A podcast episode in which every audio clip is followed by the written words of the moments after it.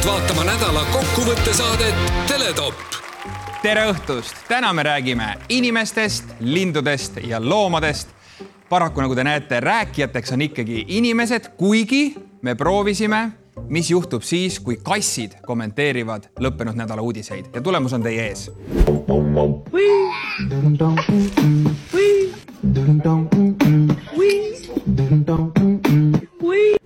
Kassid on sellele nädalale oma hinnangu andnud. nüüd on veel muide Jürgen Ligil, ma vaatan, üks protseduuriline küsimus. mul, mul masin, masin küsib neid, vabandust, ma ei tahtnud küsida. tehisintellekt siis erinevalt Riigikogust meil siin tehnika töötab ja hääletamine toimub ka päriselt. Nädala sündmuste edetabeli panevad kokku vaimsed ehitajad, ühiskonna arhitektid, ideede krohvijad ja elu elektrikud Mart Juur ja Peeter Oja. ning hääletamisnuppude taga on koha sisse võtnud ka võrratu lauljanna, tantsija, raadiosaatejuht, näitlejanna, ema ja abikaasa Tanja ja mees, kelle elu kõige ilusamad aastad on möödunud libauudiste lainel, Kaudse Kivistik ehk Rohke Debelak. Tanja, milline oli sinu nädala kõrghetk? Äh, raske valida tegelikult, neid igasuguseid pisihetki on olnud väga palju. mulle väga meeldib kontsentreeruda mm, väga armsatel väikestel hetkedel, millest tuleb ka sellised head mõnusad mälestused, aga võib-olla eh, emana eile oli väga armas, kui minu väike poeg läks magama ja ütles mulle umbes niimoodi seitseteist korda, et mamma, ja люблю тебя ja siis ema süda pidi lõhkema seal, et tavaliselt nagu esimesed kordi, et kui ta üle viie korra siis ütles, et neid lauseid ja. ja tuli rekord. just Kaute, kuidas sinu nädal läks? Jaa, käisin saunas mm.. ja, ja... said aru, kuidas see käis, jah? see on. ma, ma ise arvasin ka, et, et ikka nädalas on see minu jaoks on see alati kõrgsündmus ja, ja mul ei ole midagi huvitavamat kunagi juhtunudki selles mõttes, et iga nädal on üks, üks sündmus. käid saunas ära ja, ja ega ma käisin esimest korda elus saunas nüüd sel aastal ah sa. Enda, enda saunas. ei ole mõtet kulutada. ei, ma mõtlen enda saunas ja ma ehitasin seda neliteist aastat mm. -hmm. kuule, siis on tõesti sündmus. no on ju. nüüd on valmis. nüüd on valmis, saab saunas oh., saan saunas käia ja ma muidu ma tegin sauna kogu aeg laupäeviti, aga nüüd sai valmis ja nüüd ma, nüüd ma käin seal. mitme peale kütsid? Endale kütan. ei, ei, mitme kraadi peale kütsid aga seda mitme peale jah, ma ei tea, ma ei ole sinna pannud. tunde järgi. käokell on mul saunas, aga see ei, see käib omasoodu. nii et, et minu kõrghetk on iga nädal see, et ma pesen end. Mart! Mina tegelesin enese vaimse täiustamisega ja eneseharimisega ma läksin internetti ja guugeldasin sellist ähm, sõnaühendit nagu maailma vanim anekdoot ja ma leidsin anekdoodi, mis, mis allika väite kohaselt pärines äh, vanast Sumerist ja anekdoot ise kõlas niimoodi, et äh, mis pole juhtunud terve igaviku. Äh, noor naine pole oma mehes üles peeretanud vaat selline anekdoot, maailma vanim anekdoot siis Lõuna-Iraagi aladelt Sumerist on väga hea. Peeter, kuidas no, nädal läks? minul oli ma imestan, et keegi ei märkinud seda, loomulikult kella keeramine.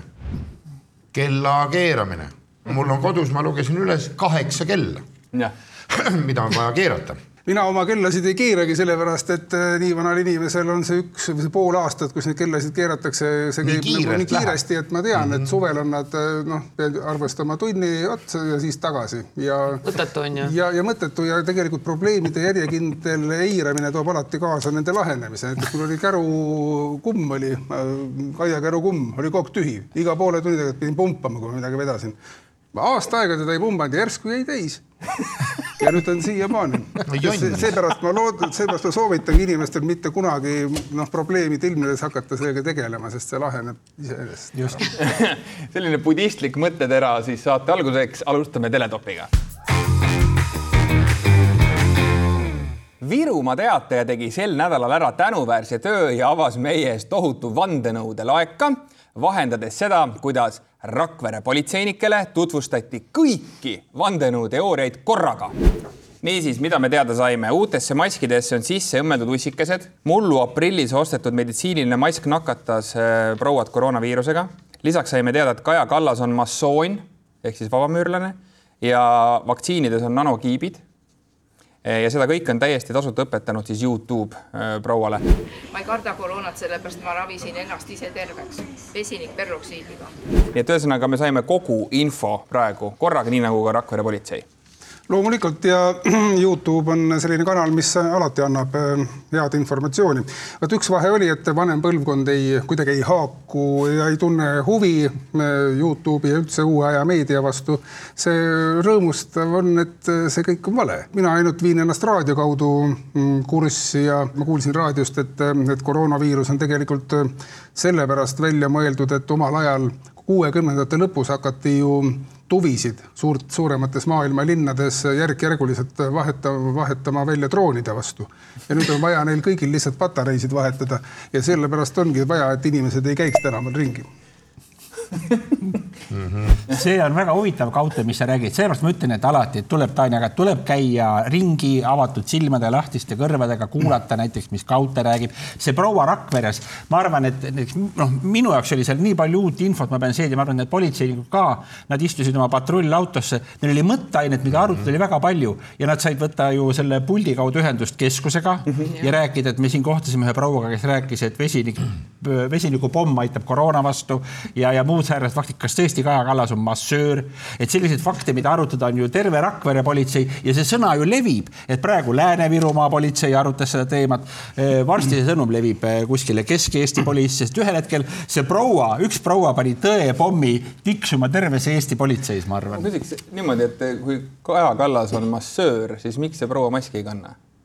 seal, kuidas sa siis aru ei saa, et selle maski sisse on õmmeldud sussid proua ütles seda ju selge sõnaga, sinna on õmmeldud sisse. vanasti sussid. olid need sinised olid ju sussid, millega haiglates käidi ja nüüd on need siis lihtsalt kummid külge pandud ja, ja, ja sunnitakse inimestele nad pähe nendega on ju terve nõukogude aeg on ringi patseeritud. ma nägin Arnold Rüütlit kõndimas nendega vastu mulle eh, Viljandis bussijaama juures ja miks ma peaksin endale nüüd eh, selle näkku panema. no kas see oleks, mõtle, sul on Rüütlis suss näos, minu meelest see ikka selline pärand. see, eh, need sinised kilesussid tegelikult on omamoodi markerid ka linnapildis juba ammu enne seda, kui tuli koroona. ütleme, kui sa läksid kesklinnas on tuntud hambaraviasutus Kaarli hambapolikliinik, kus oli kindel kord, et tuli panna sinised sinised sussid jalga. seal kesklinnas liikudes eh, oli päris lihtne tuvastada inimesi, kes olid käinud hambaarstil, sest nad tulid linna peale ja nad olid unustanud sinised kilesussid jalast võtta. vot, aga siin ma mõtlen, et tegelikult see oli, vot see oli õnnelik juhus praegu, et see proua hakkas rääkida, rääkima politseinike juures ta oleks võinud ka omaette rääkida kuskil suvakohas ja me ei oleks mitte midagi teada saanud. nii et oleme tänulikud selle eest, et just selline juhus oli Rakveres. ja hääletame meie saate esimest teemat.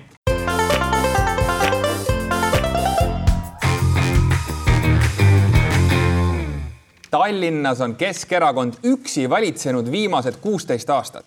seekord jäädi napilt ainuvõimust ilma ja koalitsiooni läbirääkimistele kutsuti sotsiaaldemokraadid Keskerakonnal on Tallinnas kolmkümmend kaheksa kohta ja sotsidel kuus kohta. vaatame nüüd fotosid, mis on tehtud kolmapäeval, mil sotside delegatsioon Kõlvarti juurde läbirääkimistele saabus. esimene pilt, siin siis liigutakse lifti suunas, pead võrdlemisi norus. teine lift, siin pakitakse end tihedasti lifti kokku ja kolmas pilt on siis see, kus hirmunud silmadega Ossinovski nagu tahaks meile veel midagi hüüda, aga juba on hilja esimese pildi peal, kui me vaatame, kõige hullemalt läheb Kaljulaid, eks ole, naeratus näol on näha, et ta läbi maski naeratab. Ossinovski, kui me vaatame seal taga, ta otsib väljapääsu telefonist, kas see, kas on tulnud see sõnum, poisid, ma ei saa tulla, näed, just tuli sõnum, et ma pean, ma pean minema kokkutulekule. Ja siin viimane pilt, viimasel pildil me näeme no need silmad, mis Ossinovskil on, need on nii kõnekad mm.. päästke mind, ma ei ole selles paadis, ma ei ole selles paadis. ma ei ole sots, ma ei ole, ma ei ole. ma ei ole seda teinud ja see kollases tüüp, kes siin on, ma ei tea küll, kes ta on. see sosistab, Kaljulaid on ennast kavalalt siia kõige taha ära peitnud mm, -hmm. sosistab juttu, et sina selle sita kokku keerasid, sina hakkadki rääkima. ja vaata ja vaata kõrval, vaata Saare nägu, sina, sina Kaljulaid, Raimond, sina keerasid siit nagu, mina ei tee mitte midagi. no ja õnnetu Ragnar, Ragnar Vassiljev lihtsalt mõtleb. tema on nagu liikumatu täiesti. tema on liikumatu. mõlemal pildil. temal on pilt, pilk on selline, et see ongi siis minu poliitilise karjääri lõpp. Tanja, millal sina viimati niimoodi hirmu tundsid? mul liftid täitsa meeldivad, kui tegemist ei ole Lasnamäe üheksakorralise paneelmaja liftiga, need on sellised lõbusad liftid, aga ma tegelikult arvan, et te võtsite liiga poliitiliseks seda, siin on äh, tunda seda kunsti ja seletan, miks. ma ei tea, kust nad said äh, neid teadmisi või said neid fakte, see oli minu lõputöö pealkirjaga Lift Viljandi Kultuuriakadeemias oh. aastal kaks tuhat neli. ja need pildid tegelikult oli minu lõputöö nagu kuulutuse peal, oligi lifti uksed lahti poolenisti, pannakse kinni. Ja kui uskuda minu diplomitööd, siis inimesed, kui väljusid liftid, nad hakkasid tantsima ja neid pilte meil siin ei ole. nii et me ei saa hinnata kõike ainult selle peal, sest ma, üldse, ma usun ja, oma ma üldse... nagu mõtteid ja kunstilise äh, väljundid ja, ja see oli täiesti minu diplomitöö ja, ja edasine samm, sammud Ja, on palju ilusamad. Viines olid sama morbiidsed kõik äh, sinu diplomitöös ka. just, sellepärast et see oligi nagu mõte, et tegelikult inimesed, kes tulevad lifti, nad on kinni oma asjades, mõtetes, aga tegelikult liftis väljaspool toimub elu ja nad on need, kes nad tahavad olla. seda me siin päri. ma olen, ma olen selles mõttes, ma olen selles mõttes päri, et kui nad jõudsid Kõlvarti kabinetti, nad hakkasid tantsima nii, et vähe ei ole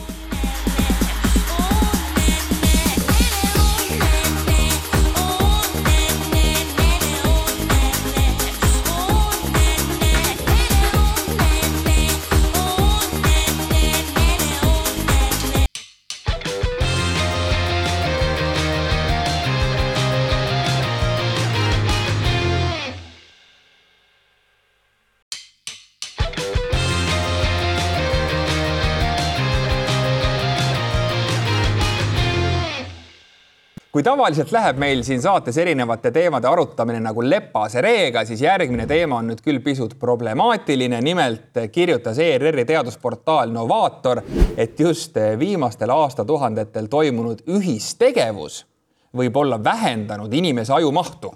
liikidel, mille isendid jagavad omavahel tihedalt infot, ja jaotavad selgelt tööülesandeid, on ka aju just selle olukorraga kohanenud ja muutunud muuhulgas väiksemaks, väidab rühm Ameerika teadlaseid.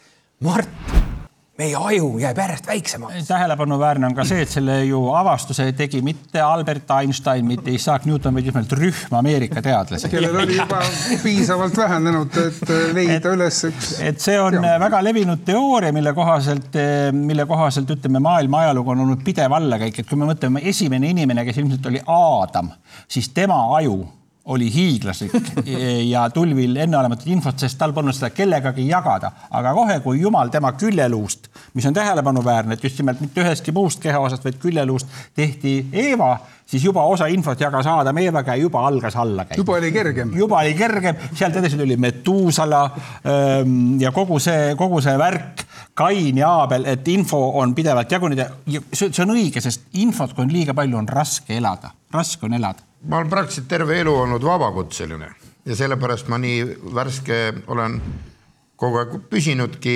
muidugi sa suhtled inimestega, aga mõõdukalt. Enamuse aja sa veedad enda käes. Ja ma pean ütlema, et mul ei ole kunagi igav, alati ma midagi leiutan, alati mingi mõte tuleb pähe, mida teistel ei ole, kui ma isegi jagan seda mõtet, siis tihtilugu on selline ahaa, ohoo efekt teise puhul. ta üllatub, kuidas sul nii head mõtted tulevad, sellepärast mul on terve aju, ta töötab mõõdukalt nii palju kui vaja, ta puhkab parajalt ja ma tajusin seda juba varajases nooruses, kui ma puutusin suuremate, väiksemate kollektiividega kokku.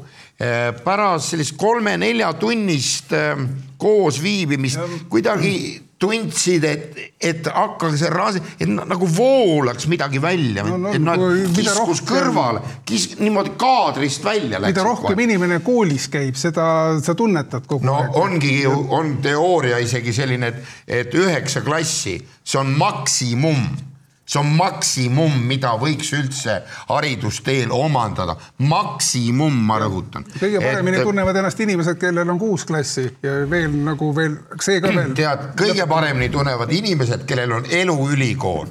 Nad tunnevad ennast kindlalt, nad, nad valdavad teemat ja mõtlevad oma peaga. Need on väga olu-, olu-, olu-, olulised elemendid. tähtis on ka selle juures veel see, et nad elavad Soomes ja nende suhtestaatus on keeruline ja pole ühtegi ametit, mida nad pidanud ei oleks. Peeter, kas sa oleksid nõus ka teletopi tegema täitsa üksi? ja miks mitte, ma olen isegi mõelnud selle peale. ma olen isegi mõelnud, ma ei ole söandunud, hea küll, nüüd ma võin selle välja käia, tõesti, kallid sõbrad, külalised, te, te võite nüüd lahkuda ja, ja mm, peale reklaamipausi ma jätkan juba üksi. nii ja läheme saatega edasi. selle nädala algul sai Soome piirivalve ärevaid signaale merelt Ahvenamaa lähedalt, kus üks kruiisilaeva meeskond märkas vees midagi helendavat. See, mille merepäästekeskuse kiirreageerijad eest leidsid, oli ikka väga üllatav, nii et äh, sellest kirjutasid nii merepäästjad kui ka Soome siseministeerium oma sotsiaalmeedia kanalites. ja vaatame nüüd siis kõigepealt äh, videot, äh, mis pildil on.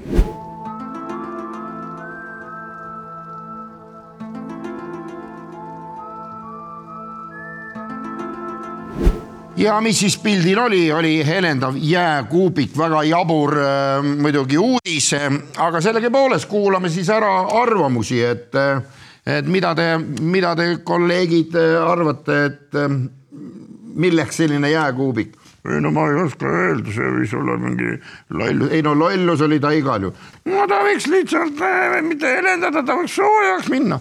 noh, see on küll huumor. nii, Mart, räägi, kui sul on midagi öelda ja seisma me saadet ei jäta, ole siis vait edasi. nii ma olen kuulanud teie arvamusi, jah, eriti vaimukus siin sedapuhku, aga Peeter, ole hea, mis sina arvad sellest? no ma arvan sellist asja, et ähm, üldiselt sellised jääkuubikud, eriti kui nad helendavad äh, kaubanduslikult võib olla see päris põnev äh, trikk, eks ole, et inimene ostab mingi joogi, aga kuidas ta vette sattus, seda täpselt ei tea ja, ja vot see on huvitav lähenemine tõesti. kas keegi teab, kas keegi teab, kuidas see asi vette sattus? no vot, nüüd on kõigil suu vett täis, eks ole. hea küll. egas midagi, teema sedapuhku on ammendatud. aga hääletame. julgemalt, julgemalt.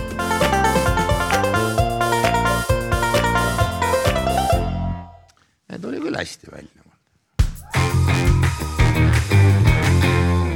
president Alar Karis käis sel nädalal oma esimesel ametlikul visiidil Soomes, kus ta kohtus oma Soome ametivenna Sauli Niinistöga. kohtumine läks vist väga hästi, sest näiteks Helsingin Sanomat kirjutas peale kohtumist, et Eesti on saanud oma filosoof kuninga aga kui soomlased juba niimoodi ütlesid, et Karis on kuningas, siis võib-olla täitsa tasubki kaaluda, et Eesti nimetada ringi kuningriigiks sest meil siin lähedal on võtta, eks ole, Rootsi kuningriik, Norra kuningriik, Taani kuningriik, et väga-väga uhked kohad, väga ju see suund, kuhu me tahamegi liikuda Eestiga ka Põhjamaad, eks ole tegelikult kuningriik on väga, no sellel on väga mõnus kõla. vaadake, et alati igal pool meedias me ju loeme, räägime printsidest, oi, kes nüüd väiksed tüdrukud lapsepõlvest unistavad, et nendest saab printsess ja hoiavad need, ma ei tea, prints Harry ja kõik need mm -hmm. pilte ja, ja kes nüüd ta endale saab ja kuhu saaks ülikooli minna. aga kujutage ette, et nüüd kogu see põnevus on meie väikses kuningriigis, see on ju iga tüdruku eluunistus, no mitte iga, aga no väga paljude tüdrukute unistus, mis saab nagu lähemale nüüd, et need kuningate lood on väga-väga põnevad ja me saame osaleda selles, minu meelest see on väga hea mm. -hmm väga hea tee jah, kui see on nüüd niimoodi, et siis tõesti tundub ju päris huvitav mõte, et Eesti riigi peale kuningas Alar Esimene. eks ole, no siin on ikka kirjas, et filosoofia kuningas, mitte kuningas nagu tervele riigile, vaid et see on ikkagi ühe kindla teatud äh, ala suunitlusega et Eesti oleks filosoofia kuningriik, nii nagu mõne, mõni asi on seeneriik, taimeriik. meil on ju eri piirkonnas äh, erinevad riigid ju, väiksed riigid. oota, kas sa tahtsid siis öelda, et me oleksime nagu filosoofia kuningriik? Et räägime palju, aga teeme vähe. väga ilus kokkuvõte, Tanja. aeg on hääletada.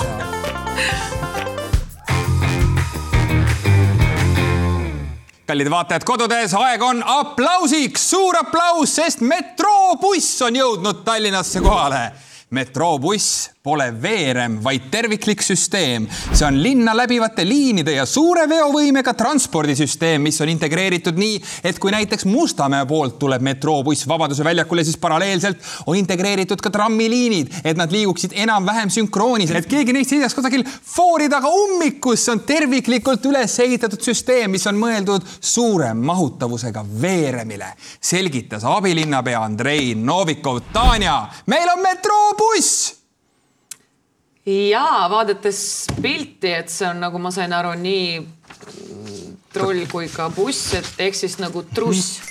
truss. ma lihtsalt praegu olen segaduses, et mis see mõte on ei no mõte on see, et ta lihtsalt on pikem Nii. Ja seal saab olla üks juht ja kui ta on veel pikem, siis saab ikka ainult üks juht olla ja kui ta on veel pikem, ma joonistasingi, et siin Tallinna linna transpordiskeem mm, -hmm. et kui on kõiki Tallinna teid läbiv ühtne katkematu buss, mis kogu aeg sõidab ja jääb peatustes seisma, siis saabki ühe bussijuhiga eh, tegelikult ju hakkama ja ta, ja ta ei seisa kunagi mingisuguste asjade tagajärjel. täpsustaksin ka, et Jah. tegelikult see buss ei peaks ringi sõitma, peaks lihtsalt üks hiigelsuur buss, mis Ja katab mõtlengi, kogu võrgustiku kogu ja inimesed võrgustiku. sisenevad sealt ja seal bussi sees sõidavad väiksed bussid, mis viivad inimesi ühest peatusest nii-öelda mm. -hmm. kiiresti ühest peatusest teise, misjärel nad väljuvad ja metroobussist kui. elekter läheb ära, saad bussi sees rahulikult kõndida järgmisse peatusse. no vot, see ongi ja, selline ja selle bussi reisijaid hakatakse nimetama metroseksuaalideks. jah, see on moodulites kokku pandud uus buss, ma ka tegin väikse joonise, et sinna saab hakata peale ka ehitama ja printsiibis tulemuseks oleks selline, selline üks suur ratastel maja, mis hõlmab täpselt samamoodi kogu Tallinnat. et noh, et ja seal ei ole isegi bussijuhti, kui sinul on see üks inimene peab ju ikkagi saama maksumaksjalt raha, eks ole, et teenida, seal ei ole vaja üks suur ratastel maja pea sissekäik on Vabaduse platsil ja, ja katab kõiki teid. vaadates äh, Peetri joonistuse, ma pakuks, et kas Seda. me saame kuskile sinna kolmandale korrusele teisesse vagunisse panna kohvikut näiteks, et Kõike äh, kohvikutel on Jah. rasked ajad, et Jaa. saab ka sinna panna. kui sa tahad broneerida ma võin broneerida muuseas, praegu on väga soodne seda, ma ka ööbimine on. jah, ööbimine Just, just. on, lastetoad on olemas samas on kindlasti galerii aatrium, siia ma ei ole, vot siia keskele tuleks tegelikult, siia tuleks aatrium, et, et oleks niimoodi, et selline klaaslaagi, vot see, aga see on põhjendatud kas päevitustekk tuleb ka, On, nii et sa saad on, on. päikest võtta? selle sisse saab ka panna peatänava, mida ei ole saab, saab, saab, saab ja, ja ütleme näiteks kaheksandal korrusel võib sõita tõuksidega aga. Peeter, kuhu sa paigutaksid selles transpordiskeemis Estonia juurdeehituse? Esto-, vot see on väga hea küsimus, ma ootasin muuseas seda küsimust, ma ootasin, ma arvan ikkagi linnahalli kõrvale. aga vaadates sisse. tegelikult seda, et äh, kui sinna tuleks veel kaks korrust juurde ja paar vagunit juurde, siis sinna sisse oleks vaja selliseid metroobussi veel miniversioonis, et metroobussi sees ehk siis trussis sõidaksid minitrussikesed. ei, ei, ei, seal ei ole, vot selles ongi see asi, et sees ei ole mingit sõitmist enam, see buss ise tähendab, ta on saavutanud, kuna ta on noh, see ei ole täiuslik joonistus, see on lõputu tegelikult, see hõlmab, see on ainult näide, milline. Kõrgus, pikkus, see on, see on hoomamatu, hoomamatu. Ja see ongi see, et eh, eh, filosoofiliselt kui läheneda, tähendab, et inimesed või Tallinn on saavutanud sellise transpordi eh, mis nii sellise läbi liikumise on muu liikunud staatikasse, kui te saate mu mõttekäigust aru. tähendab, ta on paigale jäänud. vahend, et ja, linna pole enam vaja. jah, linna ei ole vaja, tähendab, ta on, see on selline selline pööre, selline pööre, et, et ja samas sa oled seal sees, see kodukontor on sul seal bussis sees. saad aru, et kõik nagu toimib, et eh, laevaühendus Helsingiga ja ütleme, tull, ta on ka ühendatud ja, Rail Balticuga. ja inimesed räägivad, et mehed ei suuda sünnitada. jah ja lõpp, te ei kuula, lõpp on tegelikult see, selle bussi ots on Berliinis Aleksanderplatsil. aeg on hääletada seda vägevat teemat. aga mis me hääletame, see on selge, et kümme punkti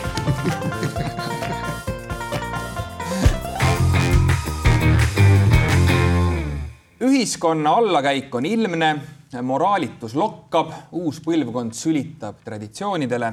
nüüd oleme jõudnud omadega lausa sinna kohta, et linnud sõlmivad teisest liigist isendiga abielusid.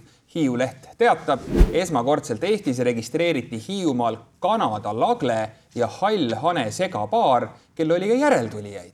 selline segapaar aga on esimene juhtum kogu Eestis, kommenteeris Hiiu lehele linnuvaatleja Leho Aaslaid, kellega me oleme nüüd Skype'i vahendusel loonud ka otsesilla Hiiumaale. härra Aaslaid, kas selline asi on nüüd normaalne?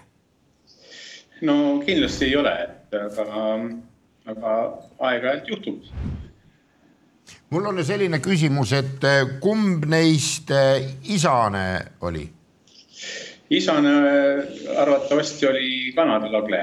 aa, nii et ja, ja, ja see ja see hall, hall hani, tema on siis kohalik Hiiumaa proua, ma saan just, aru. tähendab Kanada mee, meessoost lagle tuli siis Hiiumaale, et lihtsalt sebida ära ja tehtigi, asi tehti ära, jah. Just, et mina olin jah, ütleme lihtsalt vaatlejana vaatasin seda um, tulemust hiljem. no siiski, te olete küll vaatleja, ütlete tagasihoidlikult enda kohta vaatleja, aga ikkagi anname moraalse hinnangu, et kas te peate seda õigeks? no kindlasti ei ole õige, et Kanada lagle on meil Eestis üldse võõrliik ja ta on ütleme puuripõgenikuna või linnuaia põgenikuna väljunud kontrolli alt. aga me oleme siin rääkinud sellest, et inimesed võõrduvad loodusest ja ei tunne linde. kas me võime nüüd öelda, et ka linnud ei tunne enam linde? et see võib isegi võimalik olla, jah aga miks, miks kõik nii kurvad on? Eesti nii-öelda neiud on ju ilusad ja välismaa peikad alati tundsid huvi Eesti ilu vastu ja miks ta Kanadast ei või olla? aga kuidas loodus, loodus neid vastu võtab, sellist noh, ütleme poluvernikuid? ära hakka Neil läheb no, hästi, ärge muretsege, nad saavad mõlemad kodakondsusest, Kanadas saavad käia, Eestit saavad käia. tegelikult tänapäeva maailmas see on väga oluline, vaata kahte keelt saavad korraga suhu ja, ja. Kanada keelt ja eesti keelt. eks ole ja, ja, ja, ja et siis kas on hall lagle või Kanada hani, ise võivad valida, kui saavad täiskasvanuks, kuhu maanduda. Ühesõnaga, kui me nüüd õigesti aru saame, siis pannakse nüüd sellele linnule eh, hübriidnimi, see on siis Kanada lagle hall hani või hall hani Kanada lagle ja see on siis Branta kanadensis. kanadensis ja, ja hani on siis Anser Anser. Anser Anser, nii, aga meie siin Teletopis küll arvame, et see on üks kohmakas nimi ja, ja mis oleks, kui me Kanal kahe Facebookis kuulutaksime välja nimekonkursi sellele uuele liigile, mis te arvate sellest mõttest? et ja täitsa võimalik. Ja kuulutamegi siis konkursi avatuks. Kanal kahe Facebooki on võimalik nüüd kõikidel minna hääletama seda uut liiki. suur aitäh teile, härra Leho Aaslaid, meiega seda infot jagamast. ühesõnaga Kanada lagle ja hall hane ristsugutis. Hiiu hani. Hiiu hani tuleb. mul on ka üks nimi no. pakkuda hokihani. Nii palju häid mõtteid juba siin selle loetud sekundite jooksul, nii et kõik saavad nüüd minna Kanal kahe Facebooki ja pakkuda välja oma nime. järgmises saates tuleb parimale nimele loomulikult auhind meie poolt. nii et aitäh veel kord, härra Leho, teile. kõike head teile. stuudios viibijad, hääletame seda teemat palun ka oma nupukestega nüüd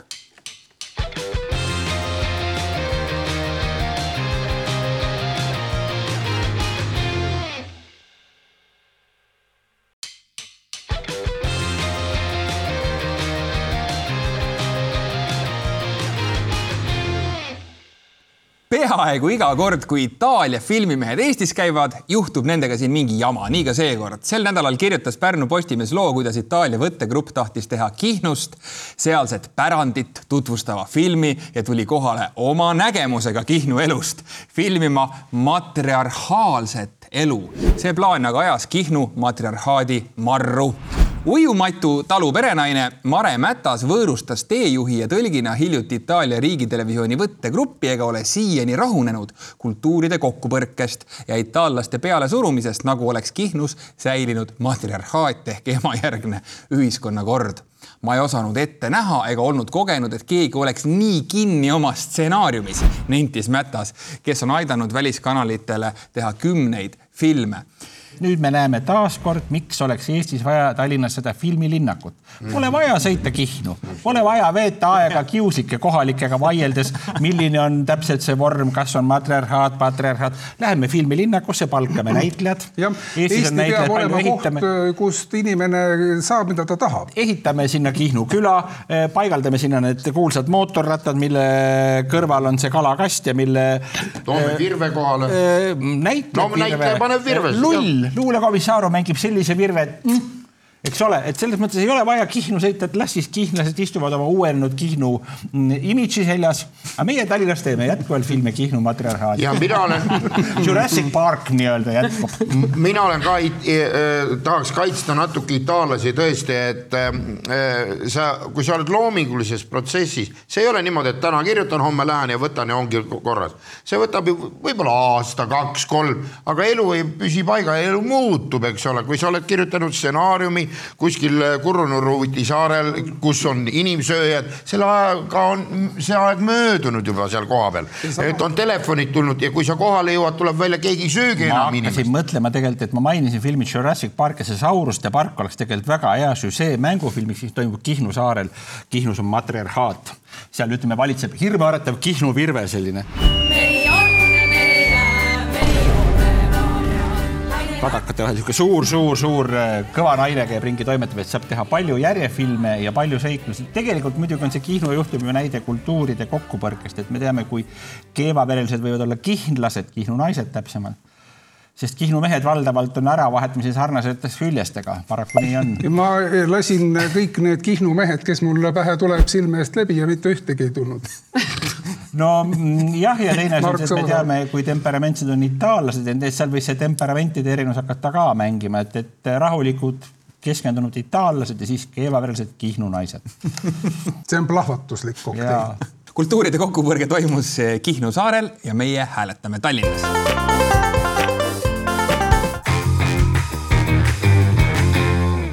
nüüd räägime järjekordsest dopingujuhtumist spordis. nimelt kirjutas selle nädala Saarte Hääl, kuidas Saaremaa kolme päeva jooksul leidis aset intsident, kus umbes kümme minutit enne finišeerimist tuli jooksjal Mart Kivil kiirendada, et mitte jääda metsast välja hüpanud põdrasarvede ette mina olin pundis viimane, kui kuulsin paremal pool metsa vahel mingit kõva ragistamist, vaatasime korra tõtt ja põdral ning ilmselt ka minul olid silmad suured kui tennisepallid. rääkis korraks sammu aeglustanud, aga siis kiirendanud kivi. kas selline asi siis nagu põdraga ehmatamine on spordis lubatud, Kaute? põdradoping äh, on selline kõige iidsem dopingu liik, oli ju mõõkambulise tiigri doping, äh, mis mõjus väga hästi mm, ja noh kuni, kuni selleni, et äh, inimene, doping saigi inimese kätte. no ma tean, et see on väga, see loomadoping on jah omaette teema, et tõesti põdra, põder annab väga hea kiirenduse, et palju parema kiirenduse kui veredoping, et ses mõttes see doktor Mark Schmidti mikrobuss seal Otepää kõrgustikul oleks võinud jalga puhata, selle oleks tõesti, tõesti ühe vihase isapõdra saata Eesti suusatajatele kannule. samas ma tean näiteks, et naissportlastele mõjub väga hästi selline asi nagu hiiredoping. Väike hiireke tuleb ja naissportlased juba jooksevad. Tanja, sa kardad? hiiri? ei karda, aga ma ei ole sportlane ka. aga mida sa kardad üldse? Ehm, ma mõtlen no praegu. loomadest.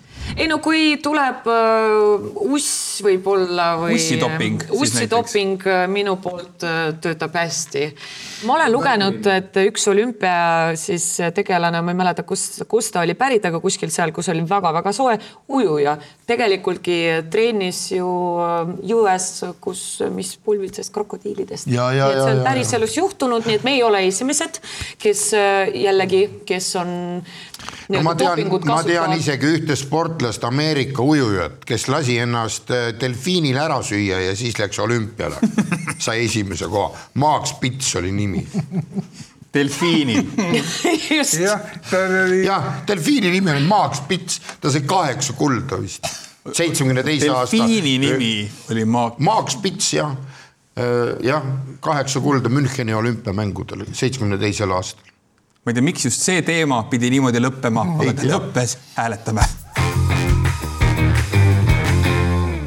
pange nüüd tähele homsest kuni järgmise pühapäevani tuleb Lõuna-Eesti kandis inimestel eriti valvas olla, sest algab suurõppus Sibul kaks tuhat kakskümmend üks, millel osalevad kõik Kaitseliidu Lõuna-Eesti malevad, Postimees vahendab. õppuse korraldajad panevad piirkonnas liikuvatele inimestele südamele, et kui keegi leiab õppuse alalt eseme, mille puhul tekib kahtlus, et tegu võib olla ohtliku esemega, näiteks lõhkemata lõhkepakett, siis kindlasti ei tohi seda ise puutuda.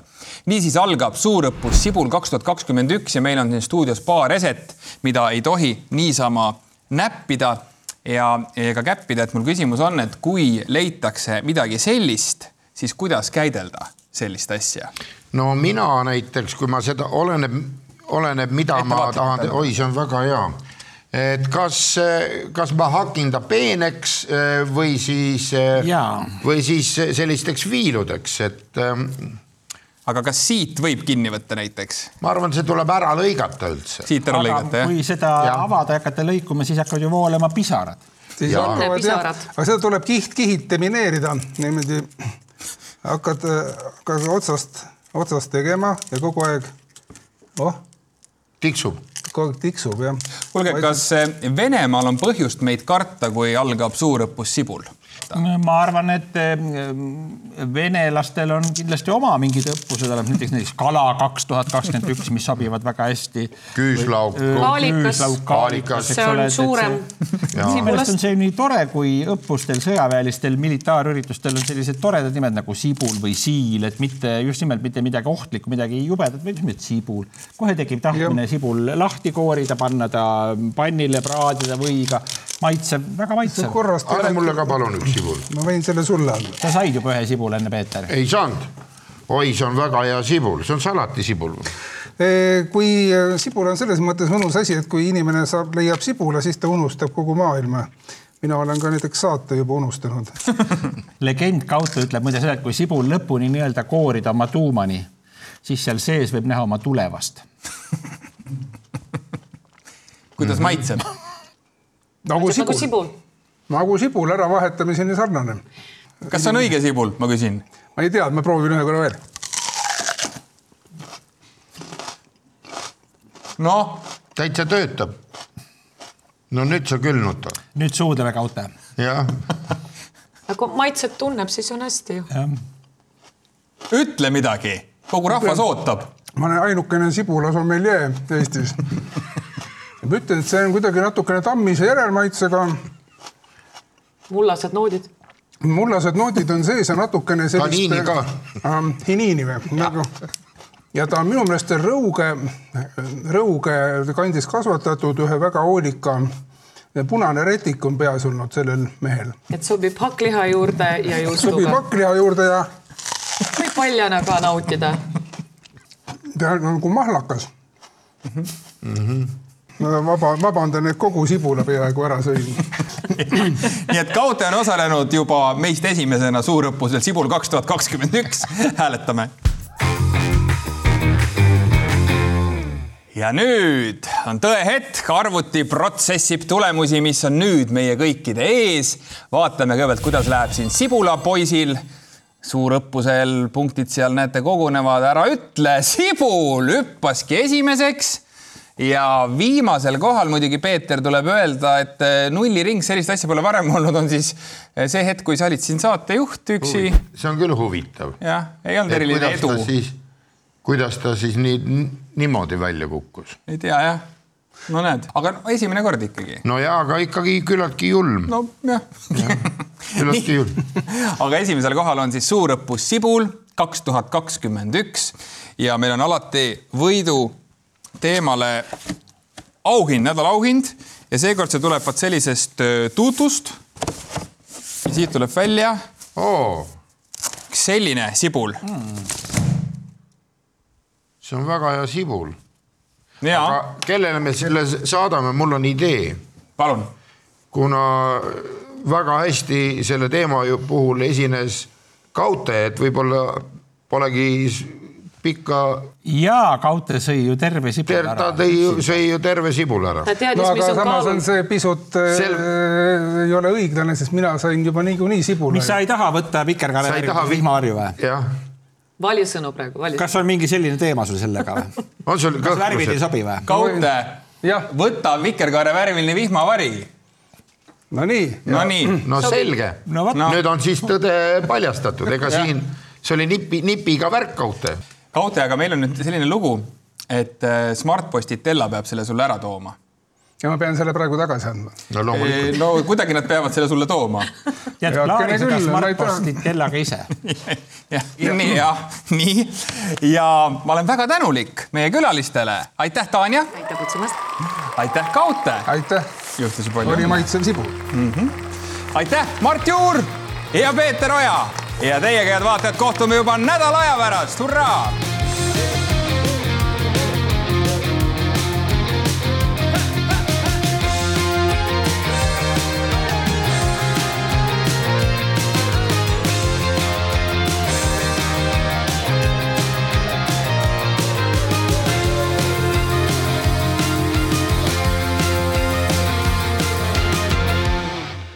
Ka mina tahaksin teha ainult populaarseid otsuseid, aga mul ei ole veel ühtegi sellist õnnestunud teha, aitäh